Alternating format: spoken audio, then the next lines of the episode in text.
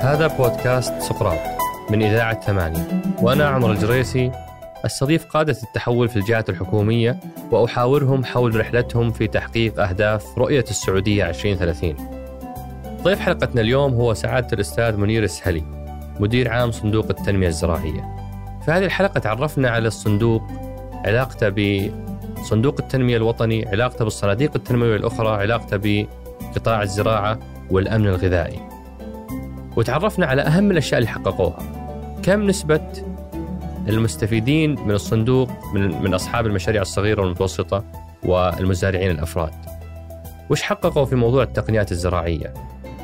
وكيف استطاعوا أن ينقلوا الصندوق من مرحلة العجز السنوي اللي يقارب 500 مليون إلى الفائض السنوي اللي يقارب 50 مليون؟ وهل هذا هدفهم؟ هدفهم أنهم يربحون ولا ليش يعتبرون هذا الشيء إنجاز؟ وتحدثت مع ضيفي عن تحدي لما يكونون أغلب المستفيدين منك آه، أفراد ومنشآت صغيرة هذا يخلق تحدي في التحصيل والمتابعة المالية فكيف قاعدين يتعاملون مع هذا التحدي وفي الأخير طرحنا أسئلة أصدقاء سقراط اللي أكرمونا فيها مثل سؤال ليش ما يعطون تراخيص لمزارع العمودية داخل النطاق السكني زيها زي المشاتل. آه، وهل عندهم خريطة للمنتجات اللي يدعمونها في كل محافظة ومدينة من مدن المملكة؟ وليش يشترطون وجود صك زراعي؟ وهل هذا صحيح أصلا؟ إلى آخر أسئلتكم الثمينة اللي أكرمتوني فيها. أترككم مع الحوار. حياك الله أبو فهد. شرفتنا ونورتنا. الله يحييك. شكرا لك شكرا لدعوتك. الله يحييك. أبو فهد بيني وبينك قاسم مشترك في في آه، الإنجاز الأكاديمي أو الدراسة الأكاديمية.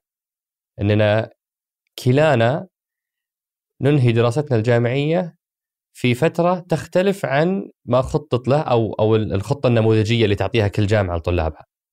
يعني إحنا في في في جامعة أمير سلطان لما درست هناك كان مطلوب إنك تتخرج في خمس سنوات إدارة مالية. فتخرجت أنا في سبع سنوات. بينما على العكس أنت ما شاء الله تبارك الله كانت خطة الدراسية آه، آه، إنك تتخرج في أربع سنوات ونص وخلصت في ثلاث سنوات ونص. الحمد لله. آه، وش سر ال ال يعني ما شاء الله التميز الأكاديمي اللي أنت بعدين أضفت له ماجستير من كولورادو وأضفت له زمالتين السعودية والأمريكية في للمحاسبين القانونيين. وكلها تحت شعار أنت تؤمن فيه ويعني وتتبناه اللي هو التعلم الذاتي. حدثني عن هذه القصة. آه الحمد لله يعني بفضل الله يعني في الجامعة طبعا ستاند أربع سنوات كان فيه نص ترم سنة تحضيرية في رياضيات أحصاء لغة إنجليزية وكنا إحنا آخر دفعة في كلية العلوم المديريه في ذاك الوقت بعدها ألغت السنة التحضيرية. فكنت حريص الحمد لله إني يعني آه، أنهي الجامعة بوقت جيد لأن كان عندنا فرصة بكل أمانة. كان فيه ترم صيفي يمكن ثلاث مرات اخذته هو اللي عوض النص السنة اللي كان المفروض منها والسنة اللي الأكاديمية اللي وفي نفس الوقت يعني استغلال الوقت جيد بكل أمانة. يعني في ذاك الوقت حتى ما كان فيه يعني شيء زي الوقت هذا مغريات كثيرة يعني الواحد. لا نتفلكس ولا شبكات اجتماعية ولا كل إيه، هالملهيات هذه. إيه كانت كل الأمور سهلة الحمد لله. وكانت يعني يمكن حبيت حتى دراسة المادة يعني تخصصت أنا يمكن في ذاك الوقت في المحاسبة وكنت حريص إني بالنسبة للتعلم الذاتي حتى قبل والله كان الترم قبل ما أدخل الجامعة ما كنت أعرف شيء كثير عن المحاسبة ولكن أخذت كتب وقرأتها قبلها فحبيت المادة ويمكن هذا ساعدني كثير إن فعلا الدراسة الذاتية مهمة جدا خصوصا إذا تعديت الجامعة وفي منتصف حتى الجامعة. بدأت أتكلم عن الزمالات المهنية. الوقت تخصصه أنت للدراسة أفضل لك انك تصرفه في يعني دورات أو معاهد أو كذا لأن الدورات المعاهد تكون معك مجموعة كبيرة ومختلف مستواهم العلمي مختلف يعني قد يكون بعضهم أفضل منك بعضهم أقل منك. بينما الوقت تخصصه أنت لك يمكن يكون حتى أقل من الوقت اللي تستنفذه في في المعهد لأن المفروض أن عندك الأساسيات وكل شيء بس هي مراجعة وتأكد فقط يعني. وأنت الزمالتين اللي حصلت عليها آه، السعودية والأمريكية آه، كلها بتعليم ذاتي لا أخذت دورات ولا أخذت مدرسين خصوصيين ولا شيء. لا الحمد لله. وكم استغرق الوقت؟ والله شوف ال- ال- ال- الزمالة السعودية خذيتها على دفعتين ما خذيتها دفعة واحدة يعني يمكن يمكن سنة يعني هي كل فترة يطرحون اختبارات. فقسمت لي خمس مواد قسمت المواد الصعبة والمواد السهلة يعني حسب والحمد لله كلها اجتزتها من أول مرة يعني أدخل اختبار. ما شاء الله. آه، الأمريكية أنا كنت أدرس ما- ماجستير في ذاك الوقت آه، وصغرت الوقت يعني في نفس الوقت اللي كنت أدرس فيه ماجستير. خلصتها قبل ما أنهي الماجستير الحمد لله يعني ما شاء الله تبارك يعني في يكون في عندك وقت تستفيد منه فجيد الواحد يستفيد من وقته يعني هذه كان خصوصا في يعني ما هي بعيد عن تخصصنا لأن ال- الماجستير كان تخصص ثاني هو مالية يعني بس المالية تعتمد بشكل كبير على المحاسبه يعني المالية دائما آه، تنظر من الاستثمار والمستقبل يعني بس إنها تعتمد على المحاسبه اللي هي دائما تركز على ال- الماضي ماضي. يعني إيه. صحيح ليتني والله سامح النصائح يوم. أدخل الجامعة. آه، وأيضا أبو فهد يعني آه، سيرتك المهنية يعني ما شاء الله متنوعة وبشكل مثير. يعني آه، في تجربة عميقة في البتروكيميكالز في سابق. بعدين انتقلت إلى عالم الزراعة تجربة أيضا عريقة في المراعي. بعدين الإسمنتات اليمامة. وبعدين سوق المال. هيئه سوق المال تداول شركة تداول أو تداول عفوا إيه. شركة تداول وحاليا أنت تقود آه، آه، الصندوق آه، التنمية الزراعية من 2015 حتى اليوم. وش السر في التنقل بين قطاعات متنوعة في الوقت اللي نشوف ناس مثلا من يوم يبدأ إلين يتقاعد في قطاع واحد؟ والله شوف هي أصعب شيء أول مرة يعني أنا جلست في سابق عشر سنين يمكن وسابق جامعه بكل أمانة استفدت منها حتى استثمروا فيني يعني ال- ال- الماجستير بكل امانه ممتاز من سابق وجلست فيها يعني كانوا يشترطون سنتين جلست ثلاث سنوات. وخلال العمل يعني ما هو بس الدراسة. السابق يعني فيه يعني تنوع كبير عنده طبعا بالنسبة ل- عندها شركات كثيرة.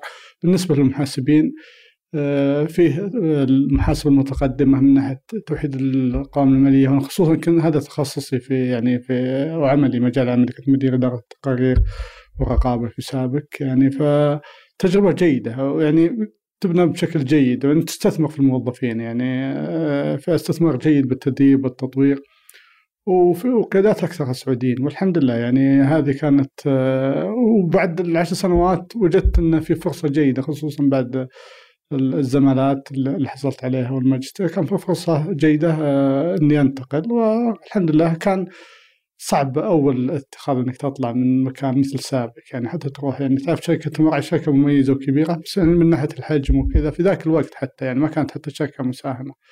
فالحمد لله يعني جا- جاني عرض وانتقلت لهم وكان جلست معهم فترة وشركة المراعي شركة نموذجية بكل أمانة يعني من ناحية الأنظمة من ناحية العمل من ناحية الإدارة إدارة محترفة بشكل كبير يعني.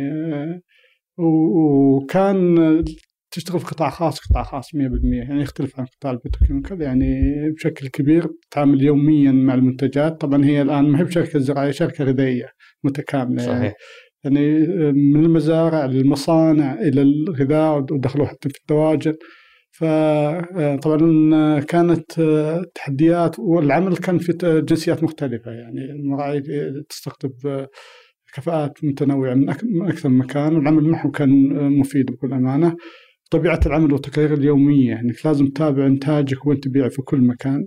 كان تحدي كبير و- بس التنقل بين قطاعات متنوعة هل هو أثرى مسيرتك المهنية ولا تحس إنه شتتك؟ لا بالعكس. أنا أنا عندي الحين عندي بعد الفترة الطويلة ذي عندي وجهة نظر كبيرة. يعني أي. انه وجودك في مكان واحد طول الفترة قد قد يكون جيد لبعض الناس اللي ما يحب التغيير. لكن ما هو بصعب ترى التغيير. بس إنك المشكلة بدا اللي بيغير كل شوي. أنا أعتقد أقل من أربع سنوات في مكان واحد ما تقدر تفيد ولا تستفيد بشكل جيد.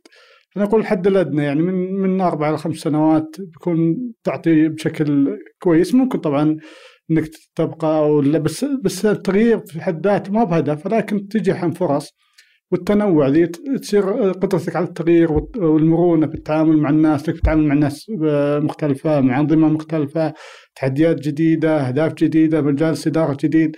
فكل هذه تخلق لك يعني قدرة إنك تتكيف مع حتى تفيدك في في حياتك وليس في عملك فقط يعني. جميل إيه.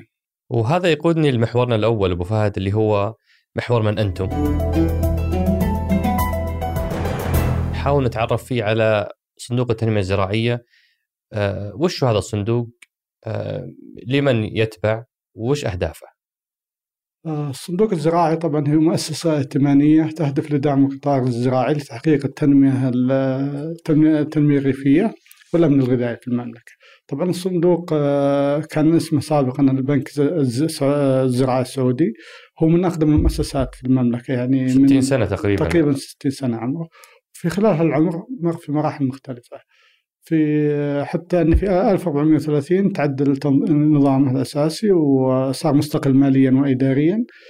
آه، وكان طبعا هو يتبع سابقا منظومة وزارة المالية في 1436 آه، مع التعديلات في الأنظمة صار يتبع اداريا آه، رئيس مجلس إدارته مع الوزير الزراعة في ذاك الوقت قبل تعديل الوزارة وزارة البيئة والمياه والزراعة.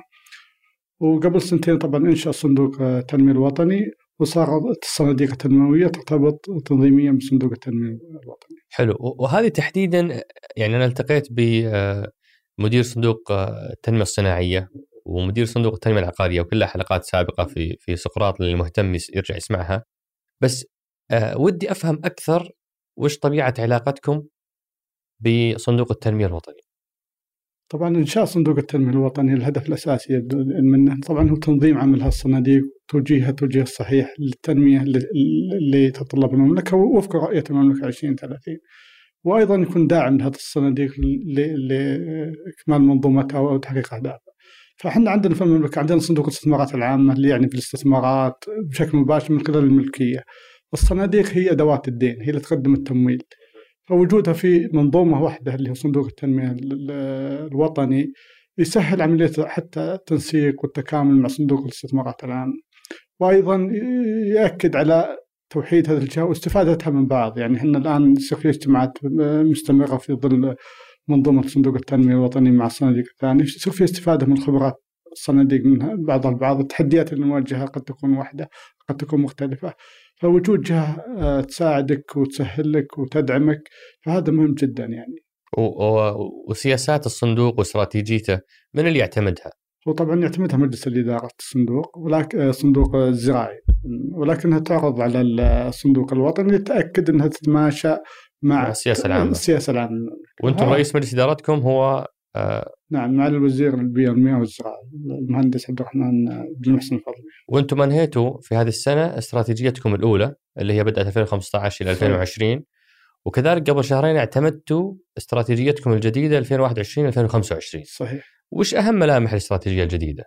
لا طبعا أهم ملامح اللي هي طبعا إحنا نتكلم عن التنمية الزراعية والتنمية الزراعية مرت مراحل مختلفة لدعم الاستراتيجية الزراعية المملكة مع التوجهات الجديدة ودعم التقنيات الحديثة إن شاء الله يكون دور الصندوق توسع في سلسلة الإمداد. بدل ما نركز بس فقط على المزارع وإنتاج المزارع إحنا نحاول نغطي آه، سلسلة الإمداد. من المزارع للمستهلك النهائي. هل السلسلة هذه إن شاء الله يكون لنا فيها دور هذا تحول استراتيجي اذا اذا نعم. دخلتوا فيه. إن شاء الله. ممكن ناخذ أمثلة عشان نفهمها أكثر. وش الفرق بين سابقا التركيز على المزارع والآن التركيز على سلاسل سلاسل الإمداد؟ عطنا مثال. آه، طبعا أول آه، كنا ندعم سلاسل الإمداد لكن في في بحجم قليل. يعني في الخطة القادمة إن شاء الله بتكون التسويق الزراعي. نتكلم مثلا عن المزارع إحنا الدعم الكبير إن شاء الله بيكون طبعا المزارع بيستمر له الدعم والإنتاج الزراعي مهم جدا للأمن الغذائي هذا إن شاء الله بيستمر ولكن نطلع أيضا عشان ننجح مهمة الإنتاج الزراعي أنها توصل بشكل سليم وآمن للمستهلك. ندعم سلسلة الإمداد من ناحية مثلا المخازن من ناحية ال cold store من ناحية مراكز الخدمة الزراعية. مراكز الخدمة الزراعية مهمة جدا. هي الوسيط اللي غالبا تكون بين المستهلك وبين وبين المزرعة. فممكن نشوف الصندوق بكرة يدعم آه، آه، مستودعات زراعية، شركات نقل زراعية، نعم. كل سلاسل نعم. الإمداد. ومراكز خدمة مثلا وهذا اللي يمكن بدينا إن شاء الله فيه في بالذات بالتمور وإن شاء الله نتوقع إن ان شاء الله نبدأ أيضا في الإنتاج الزراعي مثلا اللي هي آه، مركز خدمة يحصد ويساعد في حصاد الإنتاج من المزارع ينقل المنتج للمستودعات وثم إلى المستهلك النهائي أو أو حتى اللي هو آه، منافذ التسويق الصغيره حلو. آه، أنا ودي أسأل في الاستراتيجية عن هدفين تحديدا بس أبغى أفهم وش هذه الأهداف بعدين ممكن ندخل بعدها في محور ماذا حققتم ونسمع الأشياء اللي تحققت. لكن أبغى أفهم وش تقصد في موضوع تمويل القطاع الزراعي لدعم التنمية الريفية الزراعية المستدامة والتركيبة المحصولية اللي هي حسب الميزة النسبية لكل منطقة. هذا الهدف ودي ودي تشرح لي إياه. وهدف تشجيع استخدام التقنيات والممارسات الحديثة للحفاظ على الموارد الطبيعية وتحسين الإنتاجية الزراعية. أوكي وش وش هالهدفين هذه؟ وش تقصد فيه؟ الهدف الأول أنت تعرف في مناطق من... الحمد لله المملكة قارة كبيرة يعني والشمال يختلف عن الجنوب والميزات النسبية في الشمال تختلف عن الجنوب تختلف عن الوسطى تختلف فكل منطقة تتمتع لله الحمد بميزة نسبية آه، تساعدها خصوصا من الناحية الزراعية يعني ففي مشروع كبير تقوده الوزارة آه، وزارة البيئة والمياه والزراعة القطاع الزراعي بتحديد المحاصيل اللي تناسب كل منطقة. إحنا بيكون دورنا إن شاء الله مع بالعمل معهم من خلال هالمشروع إن نحدد كل منطقة وش المحاصيل. مثلا منطقة جازان يعني تشتهر في البن تشتهر في المانجا وتشتهر في الفواكه الاستوائيه عندها ساحل تهامة. فهذه كلها الزراعة البعلية هذه كلها تشتهر فيها مثلا في منطقة آه، جازان. الصندوق بيكون محدد هالمحاصيل بيكون الدعم موجه لها يعني بحيث إنه ما المواد مهما كانت محدودة. وهذه الخريطة معلنة اليوم؟ هل هي واضح كل منطقة وش المزايا النسبية طبعا الحمد لله وصلنا نسبه كبيرة مع الوزارة تقريبا 90% من المشروع وهي إحنا مطبقينها الآن. نبي نوصل إن شاء الله حتى للمحافظات في كل منطقة. يعني من تكون منطقة جازان بنوصل كل محافظة وش المنتجات اللي فيها. على مستوى المناطق الآن الحمد لله موجوده بننزل لمستوى المحافظات. عظيم. ومتى يوصل آه، آه، يعني متى نوصل مرحلة للمواطن آه، من تلك المحافظات والمدن يدخل على الموقع ويشوف منطقته وش المزايا النسبية اللي فيها ولا وش المحاصيل المناسبة نعم. ويقدم طلبة. متى نوصل لهالمرحلة؟ إن شاء الله قريب إحنا إن شاء الله. هذه الخطة إن شاء الله خلال الأشهر إن شاء الله. في 2020 ولا في 21 إن شاء الله إنه في قبل نهاية السنة 2020 إن شاء الله. هذا الهدف حقنا إن شاء الله. ممتاز. وموضوع التقنيات آه، والممارسات الحديثة وش تقصدون فيه؟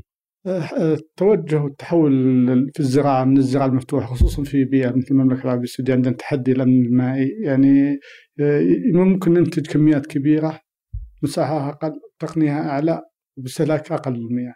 مثل مثل مثال اللي هي الزراعة المائية وال hydroponic وال aquaponic يعني تستهلك يمكن بنسبة أقل 90% وإنتاجها أضعاف مضاعفة مقارنة بالزراعة التقليدية. فهذه إحنا زدنا نسبة التمويل فيها هامش التمويل من 50% إلى 70% لتشجيع هذه الممارسات. ولا حصرناها في الزراعة المائية أيضا الاستزراع السمكي لاستخدام الأقفاص العائمة الدواجن استخدام الأقفاص زيادة الإنتاج استفادة من المساحة. أي تقنيات خاصة بالري الحديث إحنا ندعمها من 50% إلى 70% جميل. آه هذا يعني يبدو لي تعريف جيد. أبو فهد الآن بنتقل لمحورنا الثاني المحور الأهم اللي هو محور ماذا حققت. آه واسمح لي أبدأ أنا من زي ما يقولون من من الزبدة من الآخر. أنتم في النهايه صندوق آه, آه، تنموي آه بدون استدامة سينتهي أثره. صحيح. آه في 2015 لما بداتم استراتيجيتكم كان الصندوق يخسر سنويا آه 400 أو أو 500 آه 560 560 مليون. آه عبارة عن عجز آه، يمثل خسارة سنوية. صحيح. في 2019 قفلتوا السنة لأول مرة بفائض 48 مليون. هذا التحول الجذري واللي بطبيعة الحال أنتم ما أنتم بجهة ربحية عشان تستهدفون الربح لكنه مؤشر مريح إنه هذا الصندوق يتحول إلى الاستدامة بحيث نضمن إنه 20 50 100 سنة قدام هو قادر يقرض الآخرين. كيف تحققت هذه القصة؟ آه، أكد عليك فعل وكلامك فعلا إحنا ما لا نهدف للربحية لكن وجود عجز ب 500 حول 568 مليون سنويا يعني مصاريفك أكثر من إيراداتك بهذا المبلغ خصوصا عن الصندوق صعب يعني الموارد اللي المفروض تكون للمزارعين وقروض راح تسد العجز اللي عندك فكان تحدي كبير والحمد لله في ذاك الوقت يمكن بدأت حتى رؤية المملكة 2030 تأكيد على أهمية الاستدامة المالية رفع كفاءة الإنفاق وكان المجلس الإدارة قادة مع الوزير يعني كانت هذه طلب إنه توضع استراتيجية كاملة خمس سنوات لمعالجة ألو... جزء من من هالاستراتيجية معالجه وضع الاستدامة المالية. وضعت خطة لمدة خمس سنوات.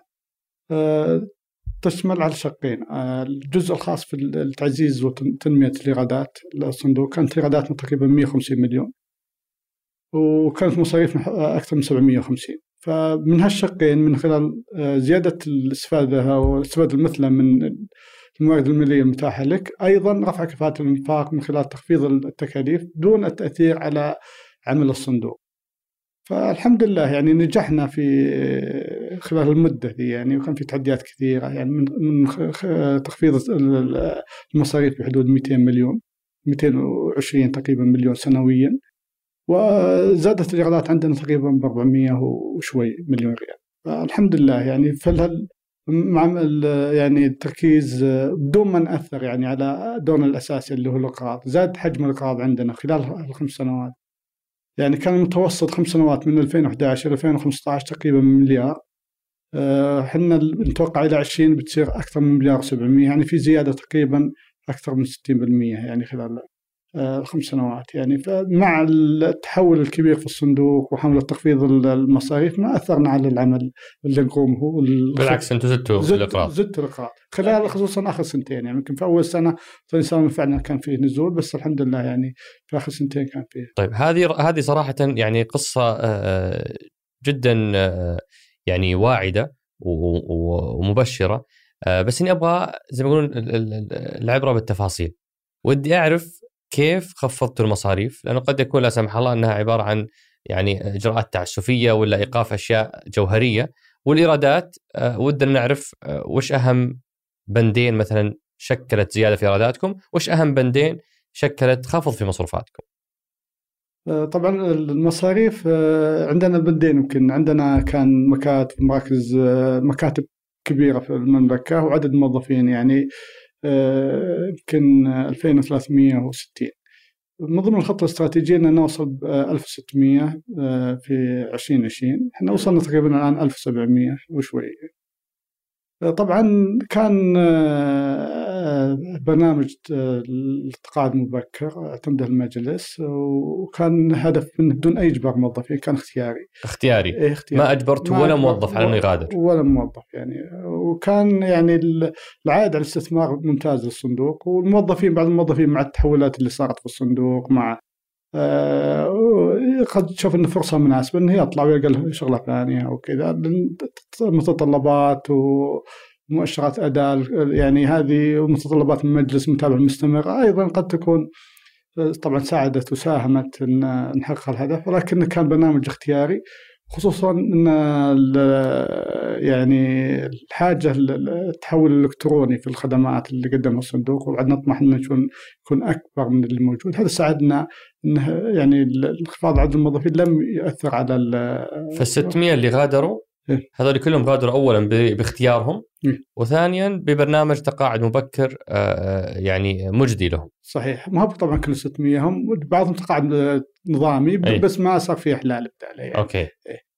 و400 تقريبا اللي استفادوا من البرنامج بشكل اختياري بدون ما نجبر أي فهذا أكبر بند خفض عندكم المصاريف صحيح بمقدار كم؟ تقريبا هذا يمكن آه، يصل إلى 130 140 مليون سنويا 140 مليون سنويا خفضت بهذا البرنامج. نعم.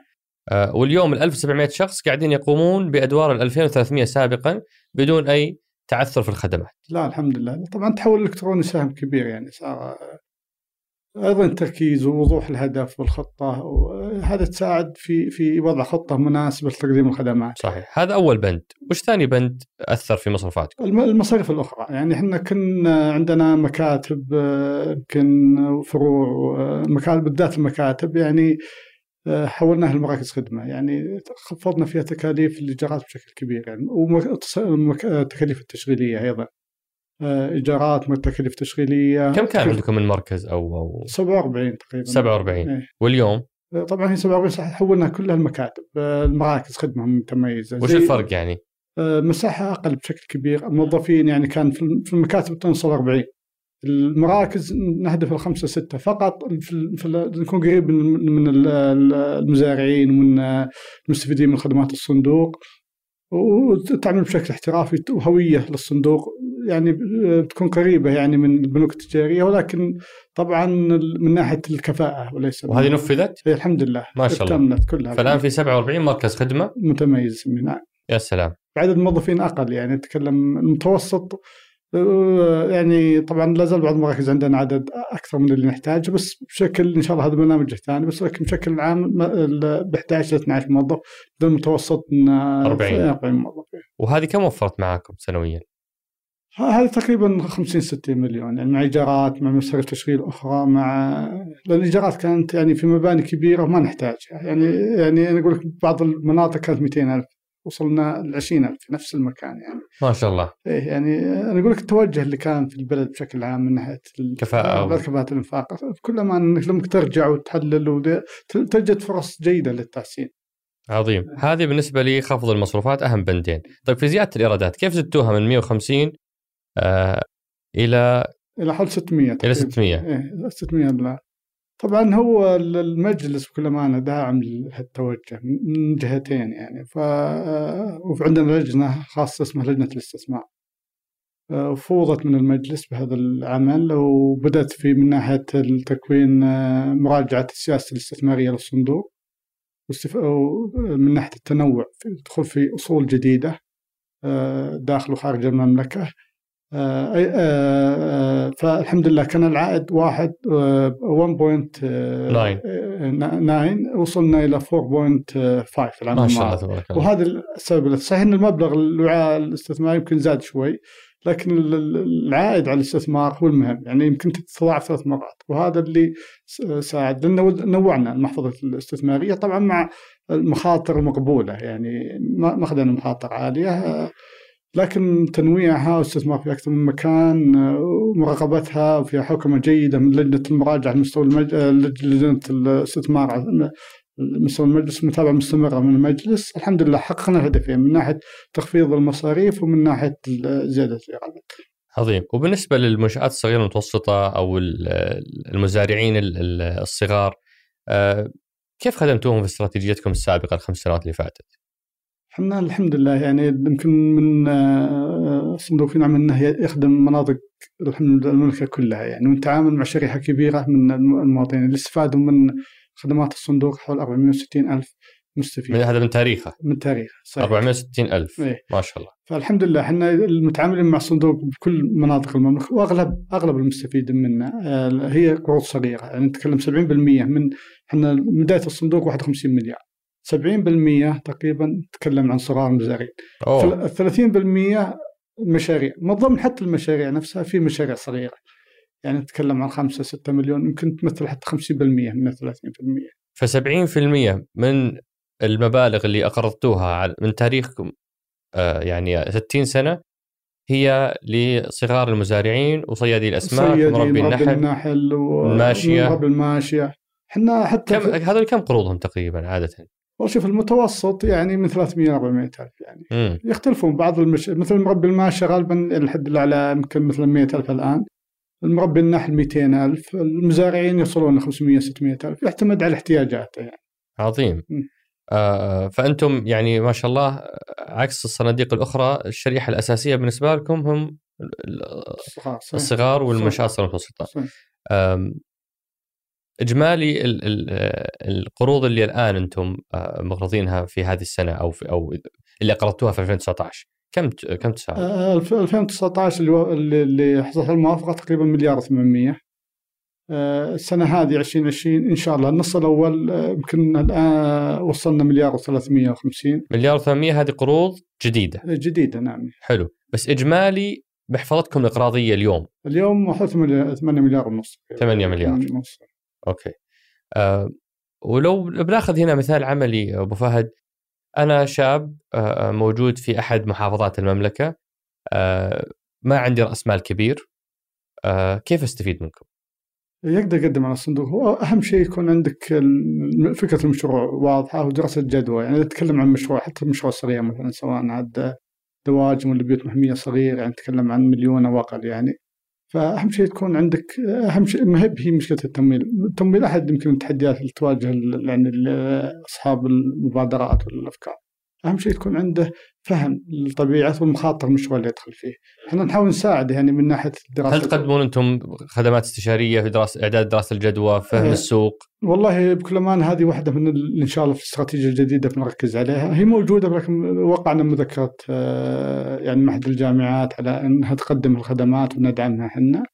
آه، أيضا مع هذه متى تبدأ؟ مذكرة تفاهم مع منشآت أيضا لهذا الجانب إن شاء الله كلها آه، كانها قبل سنة ويمكن ما فعلتها بشكل جيد بكل أمانة يمكن هذا جزء من اللي في التحسين إن شاء الله في الاستراتيجية الجديدة إن نركز عليه بشكل جيد من ناحية أيضا آه، تقديم سهولة الإجراءات الحصول على التمويل لأن بعضهم فعلا زي ما تفضلت يمكن عنده افكار بس ما يعرف شلون يوصلنا. صحيح. فتسويق منتجاتنا هذه إحدى أحد المبادرات اللي اللي موجودة في الاستراتيجيه الجديده إن شاء الله. أنا أتذكر على على هذا الطاري آه، صديق آه، مصعب الحكمي. آه، صديق دراسة والتقيت به بعد فترة. ويقول لي هو سوى مشروع دواجن. وباع بربح عالي جدا. الله يبارك له. وكان يقول من أكبر مفاجآتي في هالبلد هو إجراءات صندوق التنمية الزراعية. يقول شعرت إني كاني في حلم. طقيت الباب عليهم قلت لهم عندي مشروع دواجن قالوا هذه الأشياء المطلوبة. قلت لهم كيف تساعدوني؟ قالوا نساعدك كذا وكذا وكذا راح شوف المكتب الفلان وراح شوف مكتب علان. ورحت خلصت الأشياء اللي معاهم. وبالفعل تفاجأت انه القرض نازل في حسابي. سويت مشروع الدواجن واحتجت لهم في كم مشورة رجعت لهم أعطوني المشورة. ونفذت مشروعي مشروع الدواجن وبعته وحكى عن هذه السالفة يمكن بتفصيل أكثر في آه، بودكاست سوالف بزنس مع مشهور الدبيان. فالرجال يقول ماني مصدق إنه هذا الشيء موجود في بلدي.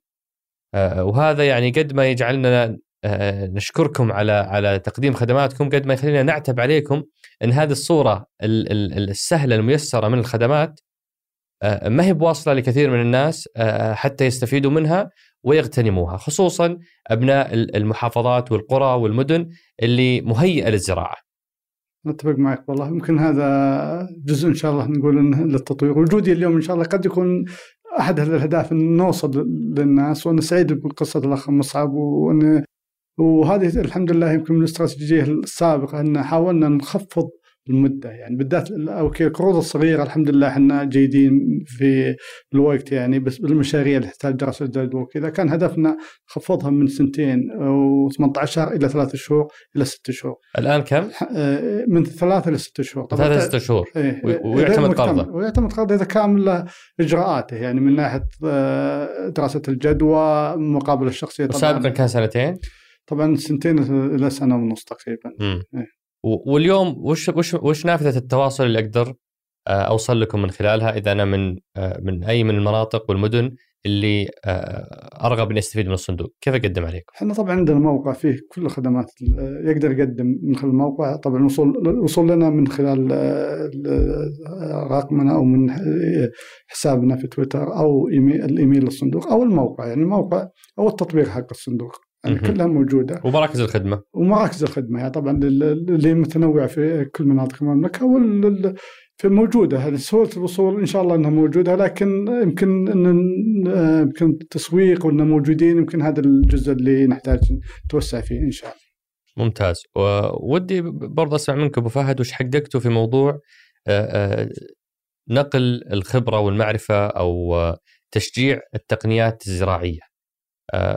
وش قدمتوا وش وش حققتوا في الموضوع؟ والله إحنا عقدنا ورش عمل في كل مناطق المملكة من ناحية قدمنا منتج جديد اللي هو دعم التقنيات الحديثة ورحنا تقريبا كل مناطق المملكة عملنا ورش عمل الزملاء سواء من خلال الصندوق أو من خلال أيضا شركاء آخرين سواء غرف تجاريه أو جامعات وقلنا لهم وش اللي نقدم إحنا نقدم اللي هو أي شيء يزيد الإنتاج ويحافظ على الموارد الطبيعيه، عندنا الأمن طبعا المائي وعندنا الأمن الغذائي، نحاول نحقق الأمن الغذائي بدون ما نأثر على الأمن المائي بشكل كبير، واللي هي طبعا الزراعة التقليدية المكشوفة الآن يمكن ما هي بهي التوجه، التوجه في زراعات اللي ممكن تزيد إنتاجك بنفس استفادة بشكل أفضل من الموارد المتاحه لك، وهذا توجهنا الحمد لله. وفيها أفكار جديدة يعني ليست بس في البيوت المحميه، البيوت المحميه تنتج خضار متنوع وكذا، عندنا الدواجن، الاستزراع السمكي، أيضا حتى في الإنتاج الزراعات التقليدية يمكن بالذات تقنيات الري الحديثة. إحنا ندعمها بشكل جيد من 50 إلى 70% يعني حتى لو نتكلم مثلا عن مزارع النخيل إحنا في تقنيات توفر بنسبة كبيرة 50 60% من المياه. هذه ندعمها إحنا. ف... فاي يعني ممارسة أو تقنية تزيد الإنتاجية؟ أو تقلل استهلاك المياه. هذه بالنسبة لكم تقنيات تستحق دعم أكثر. صحيح. فتوصلون بدعم المشروع إلى 70% من رأس مال المشروع. نعم صحيح. ونرحب بأي فكرة جديدة يعني. إحنا حتى الآن ندرس يعني استخدام مثل الطاقة الشمسية في البيوت المحمية أو في المزارع إنها تدخل من ضمن التمويل اللي يقدمه الصندوق وإذا كانت من ضمن المشروع يعني من أحد الغايات الموجودة في المشروع. وإذا أفكار جديدة بالعكس نرحب فيها. يمكن أحد يجي فكرة إحنا ما نعرفها بس إحنا ندرسها. ونشوف تأثيرها وننسق إذا كان مع جهات ذات علاقة وندعمها بالعكس قد يكون فيه يعني إن شاء الله هذه تصير ريادة للصندوق ولصاحب الفكرة يعني. عظيم. آه وآخر حاجة موضوع الاستثمار الزراعي في الخارج. آه وش قدمتوا في هذا الموضوع؟ وش معاييركم في دعم مشاريع الزراعة خارج السعودية؟ آه مبادرة الاستثمار الزراعي بالخارج هي أحد مبادرات الأمن استراتيجية الأمن الغذائي، طبعا استراتيجية الأمن الغذائي آه، استراتيجية من عدة محاور من ضمنها اللي هو الاستثمار الزراعي بالخارج اللي أوكل للصندوق. آه، طبعا هي حددت المنتجات حسب استراتيجية الغذاء حدد المنتجات المطلوبة. يعني نتكلم عن المنتجات اللي ما تناسبنا نتكلم مثلا عن الاعلاف الخضراء وقفناها عن القمح الشعير الرز السكر الذرة آه، فول الصويا. فكل المنتجات اللي ما تناسب تناسب من آه هذا معيار مهم. فأهم شيء إنه منتج ما أقدر أزرعه هنا. إيه نعم لأسباب مثلا الامن المائي طبعا القمح لأنه مهم جدا. وطبعا الحمد لله صار بعد فيه موافقة على زيادة الإنتاج المحلي لكن لا زال فيه يعني أقل من الإنتاج المحلي بيكون أقل من الاحتياج. فإحنا ندعم المستثمرين في في الحبوب بشكل عام أو الأعلاف الخضراء خصوصا مع إيقاف الأعلاف الخضراء. وهل تساعدونهم بخارطة عالمية للمناطق اللي نعم. مناسبة بحيث أنهم ما يروحون يخاطرون في دول ما هي مهيئة ولا فيها مشاكل قانونية ولا هل عندكم خارطة مناسبة؟ صحيح. إحنا عندنا جهتين عندنا المنتجات محددة وواضحة لأي مستثمر نقول هذه المنتجات اللي ندعمها كصندوق حلو هذه موجودة في موقعكم. اي نعم. وعندنا الدول كدول استرشاديه عندنا قائمة للدول الاسترشاديه حلو. طبعا إحنا ما نلزم فيها لكن نطلب منه في دراسة الجدوى. إذا مثلا معروف مثلا الدول اللي عندها مثلا مناسبة مثلا الاعلاف الخضراء معروف على مستوى العالم. فنحدد محددة. غالبا إنه بيروح لوحده منهم. بس لو راح لوحده ثانية لازم يثبت لي من دراسه الجدوى إن إنها فعلا.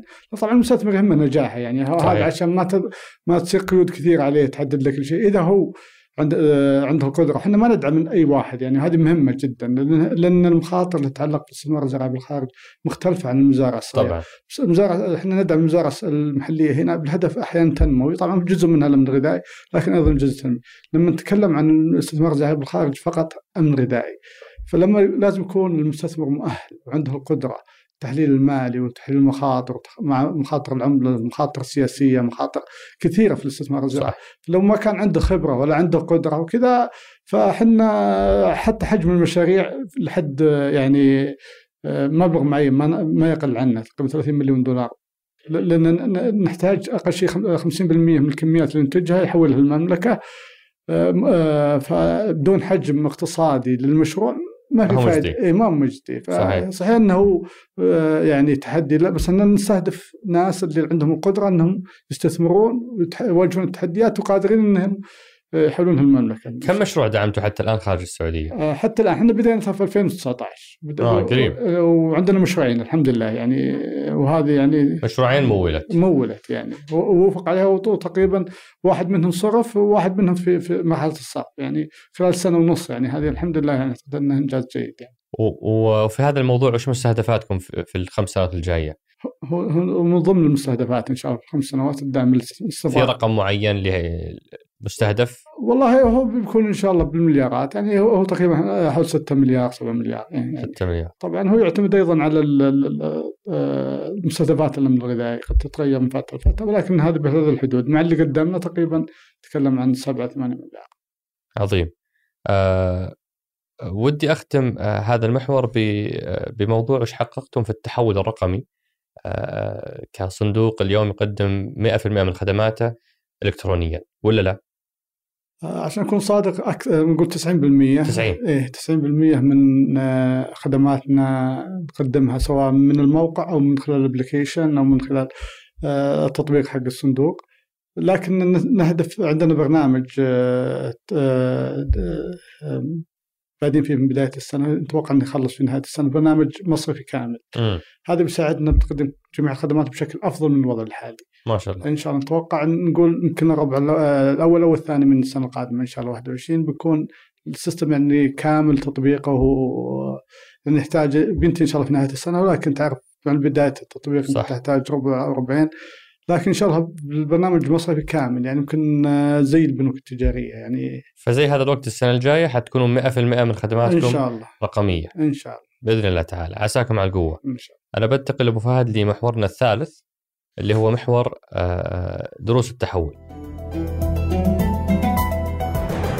يعني آه، أنتم 70% من إقراضكم لصغار المزارعين والمنشآت الصغيرة اللي هي بطبيعة الحال ملاءتها المالية ونضجها التخطيطي والاستثماري ليس مثل الشركات العملاقة آه، فقد ما هذا التوجه آه، تنموي وعظيم ومهم إلا إنه يترتب عليه مخاطر في التحصيل والربحية وغيره. كيف تتعاملون مع هذا التحدي؟ والله هذا السؤال جيد الصراحة وهذه احدى التحديات القطاع الزراعي بشكل عام يعني مخاطرة عالية حتى البنوك التجارية ما تفضل أنها يعني تستثمر فيه. عشان كذا الصندوق قدم منتج جديد اللي هو تمويل غير مباشر من خلال تقديم آه، ضمانات للبنوك بالذات المشاريع يعني ما نتكلم عن صغار المزارعين صغار المزارعين ياخذون عن طريق الصندوق. التحصيل يبقى هاجس لنا لكن تعرف إحنا يعني فيه آه، نحاول نحافظ على استدامة الصندوق وراس ماله لازم هي دورة يعني المبلغ نحصله نقرض المزارعين بشكل مرة أخرى يعني. فلازم يكون فيه ضبط شوي من هذه الناحية. يعني نضبطه من البداية من ناحية دراسة الطلب يعني. نحاول نكون طلب يعني فعلا حقيقي و في قيمة اقتصادية للمزارع لما إنه ياخذ القرض ويقدر ندرس التدفق النقدي حقه إنه يكون عنده قدرة على السداد نشوف حتى التزاماته المالية الثانية يعني من من استفادة من السجل الائتماني حق المستثمر. طبعا في إجراءات معروفة في حالة التعثر. طبعا يكون فيه إعادة جدوله أو اتصال في المزارع فهم أسباب التعثر. إذا كان أسباب منطقية وكذا قد يكون فيه مرونة أحيانا للجدول على حسب أو إن الصندوق ياخذ حقه القانوني من ناحية هذا لا نفضله بكل امانه يعني هذا يمكن آخر خيار. طبعا من ناحية في إجراءات معروفة للتعامل بس هذا أكيد إنه يبقى تحدي والحمد لله يعني في تجارب كويسه عن المزارعين من ناحية واهم درس تعلمته أنت من هذا التحدي؟ والله شوف القرب من المزارع وأنك تكون حتى تعطي خيارات. يعني مثلا إحنا نفهم ليش متأثر وش المشاكل هل نقدر نساعده هل نعطيه جدوله هل قبل ما نأخذ أي اجراء معه يعني جميل. ثاني فهذه الحمد لله نسبة كبيرة بكل أمانة. أيضا حتى حول غيرنا اللي هو طريقة التحصيل. أحيانا يعني حطيناها شهريه لبعض المستفيدين يفضلون إنه يكون شهري فغيرنا النظام حقنا بحيث إنه يكون فيه آه، آه، جدولة شهرية للمستثمرين. المرونة جيدة لكن أيضا في الضبط مهم في هذه العملية. فتعلمنا أنك تكون قريب الصراحة وهم يعرفون شو الخدمات اللي تقدمها. حتى أيضا وصلنا لمستثمرين ثانيين بعض المشاريع أنهم يشترونها يعني أو ننقل الدين والمشروع من شخص ما عنده القدرة ولا الوقت ولا المعرفة الفنية أو تغير المالك لأي سبب لجهة ثانية. نسوقها على بالذات المشاريع القديمة. نتكلم نعم. عن مشاريع بعضها. وعندنا المستثمرين الكبار الحمد لله عندهم وفيه في تجربة ناجحة في هذا بالنسبة لنا كصندوق. نطمح أنها تكون أكبر الصراحة لكن كبداية جيدة. جميل. آه أنا ودي أنتقل الآن للمحور الرابع والأخير اللي هو آه محور أصدقاء سقراط. أصدقاء البرنامج اللي اكرمونا بأسئلتهم الثرية آه وأستميحك إننا نأخذ يعني إجابات آه، سريعة حتى نقدر نأخذ أكبر قدر من أسئلتهم. أبشر آه، تبشر بالجنة. هذا السؤال هنا يقول كيف تم وضع استراتيجية الصندوق آه، الجديدة؟ طبعا وضع الاستراتيجيه غالبا يمر في إجراءات يعني تبدأ من الاداره التنفيذية للصندوق بناء على احتياجات المزارعين وطبعا كان في حتى ورش عمل مع المستثمرين الزراعيين من البداية يعني. ومعرفة التحديات الموجودة والطموح اللي نسعى له إحنا كإدارة تنفيذية هي عرض مجلس إداراتنا طبعا يربط بال طبعا الآن عندنا رؤية المملكة 2030 وهذا مدخل مهم جدا لاي استراتيجيه نعملها طبعا في الصندوق. عندنا أيضا اللي هو الاستراتيجية الزراعية بحيث إن إحنا داعمين للاستراتيجيه الوطنية للزراعة. وعندنا المجلس الإدارة عرض على المجلس. طبعا يكون فيه طبعا إثراء كبير من المجلس بقياده مع الوزير. آه، يتم التحديث على الاستراتيجية. بعدين آه، بناء على المدخلات من المستثمرين من الموظفين طبعا والإدارة التنفيذية المدخلات الأساسية الخارجية اللي هي طبعا رؤية المملكة والسياسة الزراعية للمملكة والاحتياجات اللي تواجه القطاع الزراعي التحديات اللي تواجههم أيضا أيضا وبعدين تروح طبعا المجلس إدارة الصندوق الوطني بجهته التنظيمية هو المشرف على الصندوق. جميل. آه، هنا سؤال ثاني يقول ما دور الصندوق في دعم الزراعة العضوية والحد من آثار السلبية للزراعة الكيماوية وفي نفس هذا السياق كان في سؤال ثاني هذه واحدة تقول كوني مريضة وممنوعة من أكل أي شيء باستثناء الخضار العضوية أجد معاناة في البحث ولا أعلم حتى بمصداقية من يدعي أنه خضار عضوية أه وش قدمتم في دعم الزراعة العضوية في السعودية؟ طبعا الزراعة العضوية غالبا هي مزارع صغيرة وإحنا ندعمها بشكل 100% تقريبا انها أقل من من 200 آه، ألف. هذه تدعم سواء المزارع الصغيره ولا آه، فالدعم أو أقل من 3 مليون نسبة التمويل تكون تقريبا حدود 70% ف حنا كاستراتيجية وتكلم عن طبعا هي مهمة كزراعه عضوية لكن إحنا نتكلم عن امن غذائي طبعا.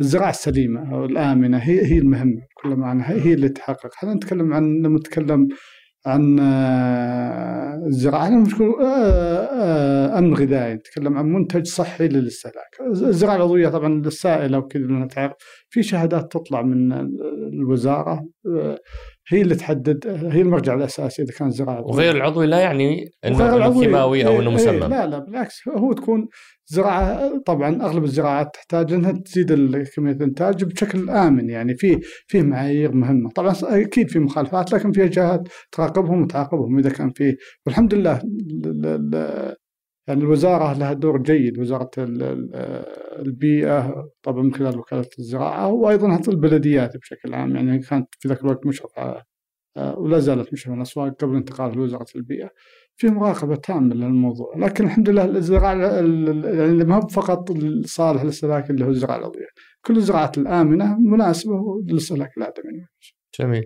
هذا يسأل يقول هل سنرى خطط تطوير لقرى المملكة من حيث رفع كفاءة كفاءة الزراعة للهكتار الواحد مثل التجربة الهولندية. آه وبعدين السؤال الثاني يقول المزارع لا يحتاج آه آه لا يحتاج فقط دعم في الزراعة هذه شغلته لكن يحتاج ما بعد إنتاج المنتج إلى وصوله للسوق. ممتاز السؤال. بجاوب على الأول مناطق المملكة في برنامج التنمية الريفية آه، طبعا دشنا خادم الحرمين الشريفين قبل سنة تقريبا في قيمة 12 مليار 9 مليار طبعا من الوزارة دعم مباشر. من الحكومة و3 مليار تمويل من الصندوق. الهدف منه اللي هو رفع كفاءة الإنتاج الزراعي ومساهمته بشكل أكبر ورفع مداخيل المزارعين ورفع نسبة الوظائف في مناطق المملكة التنمية الريفية نتكلم عن مناطق المملكة كلها الحمد لله. يعني وحسب الميزة النسبية. ففي برنامج فعلا في الوزارة تعطي دعم مباشر سواء آه، دعم مباشر سواء يعني مالي أو فني. يعني الهدف منه إنه زيادة الإنتاج وفيها أرقام مستهدفات واضحة يعني لثمان منتجات. أيضا إحنا نقدم التمويل لهذا البرنامج. آه، السؤال الثاني على موضوع آه، اللي هو سلسلة تكلمنا عنه قلنا فعلا إحنا كان قد يكون سابقا تركيز أكبر على الإنتاج. الآن نحاول إن شاء الله انه يكون في توازن شوي بين طبعا حتى ما ندخل بعد إحنا جزء التصنيع الغذائي جزء منه عند صندوق التنمية زملائنا في صندوق التنمية الصناعي. الصناعي إحنا الصناعات التحويلية الأساسية لمبالغ معينة تكون عندنا وفيها الآن إحنا بيننا وبينهم إن شاء الله اتفاقية بتحدد الأدوار بشكل جيد. بس إحنا اللي يهمنا نكون هالمنظومة جيدة سواء من عندنا أو من عند الصندوق الصناعي إنها تكون مغطاة بشكل جيد. أساسا حلو. هذا يقول لدي فكرة في إنشاء نموذج مشروع متخصص في البيوت المحمية المكيفة مستخدما تقنيات حديثة مثل الهيدروبونيك. نبغى نعرف ما هي الخطوات اللازمة للحصول على ترخيص زراعي خصوصا إذا المشروع داخل النطاق العمراني. الترخيص الزراعي يكون عن طريق الوزارة. وإذا هو داخل النطاق العمراني في الوزارة الزراعة المائية أنا أعتقد إن الوزارة هم المسؤولين عن الترخيص ما أعتقد إن إذا كان زراعة إنهم يأخذون منه. مولنا إحنا مشروع بكل امانه زراعة آه عمودية. عمودية اي إيه. في جدة. داخل المدينة؟ داخل المدينة أوه. بس كان معها ترخيص صناعي ومعها ترخيص زراعي. نفس ففعليا إيه. أنتم ما تمانعون ذلك إيه متى ما كان مع ترخيص؟ إذا عنده ترخيص ما عنده اللي يأخذ من وزارة الزراعة. اي نعم. ياخذ الزراعه وإذا كان في بعض الصناعي ياخذ من وزارة الصناعة. حلو. آه هذا يقول هل هناك دعم للمزارعين السعوديين في الخارج؟ هذه حكينا عنها آه وهنا السؤال الثاني يقول لماذا شرط وجود صك باسمك للحصول على قرض زراعي أو عقد إيجار 20 سنة؟ لفينا جدة كلها نحاول نستأجر مزرعة طويلة الأمد وما حصلنا وليس باستطاعتنا أن نشتري مزرعة تكلفنا نص مليون ريال على الأقل. لا إحنا ما نشترط إنه يشتري. إحنا إيجار. ايجار 12 سنه اللي هو مدة ال... آه مو ب 20 لا لا مو ب 20 هي مدة القرض. إذا إذا بياخذ القرض ثمان سنوات في دراسة جدوى يقدر يسد لي ثمان سنوات أنا ما عندي مشكلة. هي هي هي المدة لأن عنده سنتين سماح وعشر سنوات سداد. ف شيء طبيعي إن لما تقترض مشروع أقل شيء إنك تقدر تسدده يعني. صح. أو إنك تسدده قبل ما عندي مشكلة. دراسة الجدوى طبعا اقتنعنا حسب دراسة الجدوى إنه يمكن يسدد في أقل من هالمده هذه حماية لي وله يعني بدل ما ياخذ له إيجار وبعد كذا سنة إنه يطلع من المشروع. ف... صح. إيه؟ فأنتم اذا ما تشترطون أول شيء الملك؟ لا لا ما نشترط. ومدة الإيجار مربوطة بمدة السداد حفظا لحقوقكم. صحيح. ممتاز.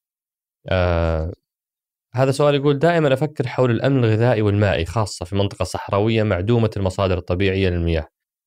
آه ما هي توجهات الدولة حول زراعة النخيل باعتباره أكبر مصدر لاستنزاف المياه الجوفية وأنت أبو فهد عضو في مجلس آه إدارة مركز الوطني للتمور ولا لا؟ صحيح فوش رأيك؟ هذا سؤال جيد إحنا نتفق معك نتفق من, من ناحية إنه المفروض ما نتوسع بالزراعة، زراعة النخيل المفروض نوقف يعني بس إحنا كدورنا كصندوق نساعد المزارعين الموجودين برفع كفاءه استهلاك المياه. من ناحية استخدام التقنيات الحديثة بالري، طبعا التمور من أهم المنتجات يعني حتى قيمة استراتيجية وقيمة يعني مهم طبعا استهلاكه اغلب مناطق المملكة يعني سلعة استراتيجية يعني وفيها أمن غذائي كبير. لكن هل نحتاج نتوسع؟ لا ما اعتقد ان نحتاج حتى في المركز النخيل يعني الهدف إنهم يقدمون خدمات للمزارع الحالية رفع كفاءة الإنتاج يعني, حلو. يعني المزارع الموجوده بدل ما أروح أحط مزارع جديدة ولا برفع كفاءة اللي موجود الموجود يعني نعم. زد طاقته الانتاجيه من حسن خدماته حسن خدمات باكجينج أيوة. التصدير إلى آخره وممكن يكون إن شاء الله حتى الآن إحنا ندعم حتى تصدير التمور يكون إن شاء الله بعد دخل غير مباشر طبعا من ناحية التصدير يعني آه، المملكة يعني. فأنتم كتوسع في دعم مزارع جديدة للنخيل هذا توقفتوا فيه. لا لا وقفنا ما نعطيك عروض ولكنكم تدعمون المزارعين الحاليين تقنيات حديثه في التقنيات الحديثة لرفع كفاءة إنتاجهم. فقط. الإنتاج أو التسويق إحنا هذا يهمنا مثل مصانع تحويلية إحنا دعمنا كثير مصانع تحويلية. ممتاز. وتقنيات حديثة يعني آه، وبعضها جمعيات وبعضها الحمد لله حتى ساعدت في التصدير يعني يمكن في عندنا الجمعيات خلال السنة بدأت تتصدر الحمد لله. وفيه آه، مستثمر يعني في صناعات تحويلية جيدة الحمد لله يعني منتجاته جيدة فهذا التحول اللي نسعى له إن شاء الله. ممتاز. آه هذا سؤال يقول في تقنية للاستزراع المائي باستخدام الأسماك. ليه ما نشوف لها دعم وتشجيع قوي حيث أنها أثبت أثبتت نجاحها في استراليا ودول أخرى. هذه موجودة الحمد لله بالعكس وعندنا آه، رائدين فيها الحمد لله عندنا شركات في المملكة على مستوى العالم يعني وفي تصدير كبير منهم الحمد لله والصندوق قدم لهم دعم كبير خلال السنتين الماضية يعني ممكن حتى يعني ما هو هو أحد مستهدفات رؤية المملكة 2030 استزراع السمكي. استزراع السمكي. صحيح. في تقنيات جديدة الحمد لله يدعمها الصندوق. وعندنا برنامج خاص بالوزارة آه، لدعم الثروة السمكية. والحمد لله لهم دور جيد في, في جمعية طبعا للاستزراع السمكي. في في منظومة جيدة في المملكة بالعكس أنا أعتقد إن الاستزراع السمكي في المملكة إن شاء الله متوسع فيه بس إن عندنا نواة جيدة وممتازة. ودعمتوا أنتم في في السنوات اللي فاتت دعمنا الحمد لله. مزارع أسماك؟ اي من زمان الصندوق صراحة كل ما يدعمها بس نستمر في الدعم. عندنا شركات جديدة ودعمناها يعني مئات الملايين يعني يمكن أكثر من مليار يعني خلال الخمس سنوات. ونحيل المهتمين بهذا الملف لحلقتنا مع مدير برنامج الثروة السمكية الدكتور علي الشيخي. نعم صحيح. آه اللي تحدث بإسهاب عن أهداف المملكة وأعتقد إننا حققنا آه, آه، قفزة من 30 ألف طن سنويا إلى حدود ال ألف طن بنهاية هذه السنة. العام الماضي 8 ألف طن تقريبا السنة هذه مستهدف نوصل 100 ألف طن. هذه كلها في الخمس سنوات اللي فاتت استزراع سمكي. وهو يعتبر ثاني صادرات السعودية بعد البترول ومشتقاته حسب كلام أبو محمد. فنحيل المهتمين لتلك الحلقة. آه هذا سؤال يقول هل تقدمون الدعم لرواد الأعمال المؤسسين للتطبيقات التقنية المتخصصة ببيع المنتجات الزراعية التي تساهم بتسويق منتجات المزارعين؟ الجاب على هذا فيه تفصيل شوي. حلو. إذا هو عشان إحنا بعد وقعنا مذكرة مع بنك التنمية الاجتماعي عشان الأدوار. المشاريع الصغيره ومتناهيه السرعه عند الزملاء في بنك التنمية لكن إذا هو تطبيق معه يعني مركز تسويق ومع سيارات للتسويق ومع هذه ما في مشكلة هذا يجي الصندوق ومولنا إحنا مشروع أوه. إيه مشروع فيه تطبيق وفيه بس إنه أساسه طبعا عنده آه مخازن وعنده سيارات وعنده توزيع وعنده ومن ضمنها التقنية اللي هو التطبيق. التطبيق لكن كتطبيق لوحده يعني أنا ودي إنه يعرضنا الفكرة وهل عنده اتفاقيات مع جهات ثانية؟ لأن التطبيق لوحده يحتاج له يعني آه، منظومة يعني آه، داعمة له يعني من ناحيه السيارات السواقين يعني لين ياخذ من المزارع طبعا ما راح ياخذ من المزارع لازم فيه تغليف وباكجينج وكذا. هذا مركز الخدمة اللي نسميه إحنا. لين يوصل المستهلك. فاذا شامل المنظومة. أو في تعاون كامل مع المنظومة ما في مشكلة. يعني. جميل. آه هذا يقول لكم ليش ما أنتم موجودين في شبكات التواصل الاجتماعي؟ لا إحنا عندنا حساب في الصندوق وموجودين بشكل آه، يعني أكثر آه، عندنا قناة في تليجرام. آه، أعتقد اننا متواجدين يعني بس يمكن لو سؤال إنه ليش متفاعلون محتاج تفعيل أكثر. إيه أنا أعتقد اتفق معه آه آه ليه ما في تصدير لمنتجات مثل التمور؟ لا صدر الحمد لله. المملكة تصدر التمور. عندنا هدف ان نكون إن شاء الله يعني احد أهداف المملكة ان تكون المصدر الأول للتمور. إحنا كصندوق قدمنا قروض نساعد المستثمرين الحصول عليها للتصدير بحيث إنه يقدر يعني رأس مال عامل يشتري تمور طبعا وعنده قدرة إنه يصدرها وبدينا فيها الحمد لله جانا أكثر من مستثمر أيضا المركز الوطني للنخيل والتمور له دور كبير في هذا الشأن يعني تشجيع وتسهيل عملية التصدير مع الجهات المعنية مع هيئة الصادرات أو الجهات الأخرى. عظيم. آخر سؤال هو سؤال عن التحول الاستراتيجي للصندوق بشكل عام يعني إحنا شفنا الصندوق التنمية الصناعية آه، يمر بتحول استراتيجي إنه لم يعد الصناعة وإنما هو الصناعة والتعدين والخدمات اللوجستية والطاقة. فهذا تحول استراتيجي في نطاقه آه، وشفنا في الصندوق العقاري تحول استراتيجي في نموذج العمل. لم يعد يقرض من محفظته وإنما صار يفعل البنوك التجارية للإقراض وهو يغطي الفائدة آه، أو يتحملها نيابة عن المواطنين آه، إلى حد معين من الدخل. فما هو التحول الاستراتيجي؟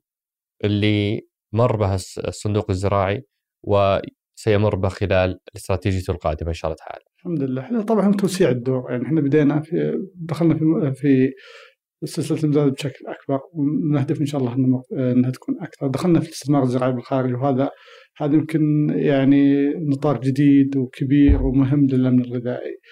آه، أيضا إحنا دخلنا في التمويل غير المباشر يعني مع البنوك. وقدمنا تمويل غير مباشر بضمانات من الصندوق يعني. لبعض الجهات من ضمنها اللي هو مساعدة مثل المصدرين السعوديين. آه، تمويل آه، رأس مال عام من خلال الشراكة مع بنوك تجارية. لأن في فجوة كبيرة في التمويل الزراعي. والبنوك عندها يعني تخوف تخوف من القطاع فالصندوق دخل كضامن إحنا ندرس ونطلب الضمانات من المستثمر. وهذا تغير في نموذج العمل يعني وتطوير كبير يعني وتوسيع للمصادر إيه القدره الاقتصاديه ومصادر التمويل للمستثمرين الزراعيين فاحنا توسعنا في نشاطنا ودخلنا في مجال خارج المملكة من ناحية ذي وقدمنا منتجات تمويلية مختلفة ودعمنا حتى أيضا التقنيات الحديثة يعني بشكل أكبر. يعني. عظيم آه أنا شاكر لك قبول الدعوه أبو فهد وندعو لكم يعني بأصدق الدعوات. إن الله يحقق أهدافكم. أو يساعدكم في تحقيق أهدافكم لأنه أنتم الممكن المالي لامننا الغذائي لهذا الجيل والأجيال القادمة. عساكم على القوة يا رب. شكرا لك والحمد لله بالعكس شكرا للدعوة وسعدنا نكون موجودين وأتمنى إنكم تستفيدون إن شاء الله الاشاده. ما قصرت الله يحييك خبر جيد إنه دعم المزارع لم يعد فقط دعم لينتج وإنما التوجه الآن أن يدعم المزارع لينتج ويوصل ويسوق منتجاته. لأن هذه هي الحلقة الأهم. أصدقاء سقراط شاركوا هالحلقة مع من تعتقدون أنها تهمهم.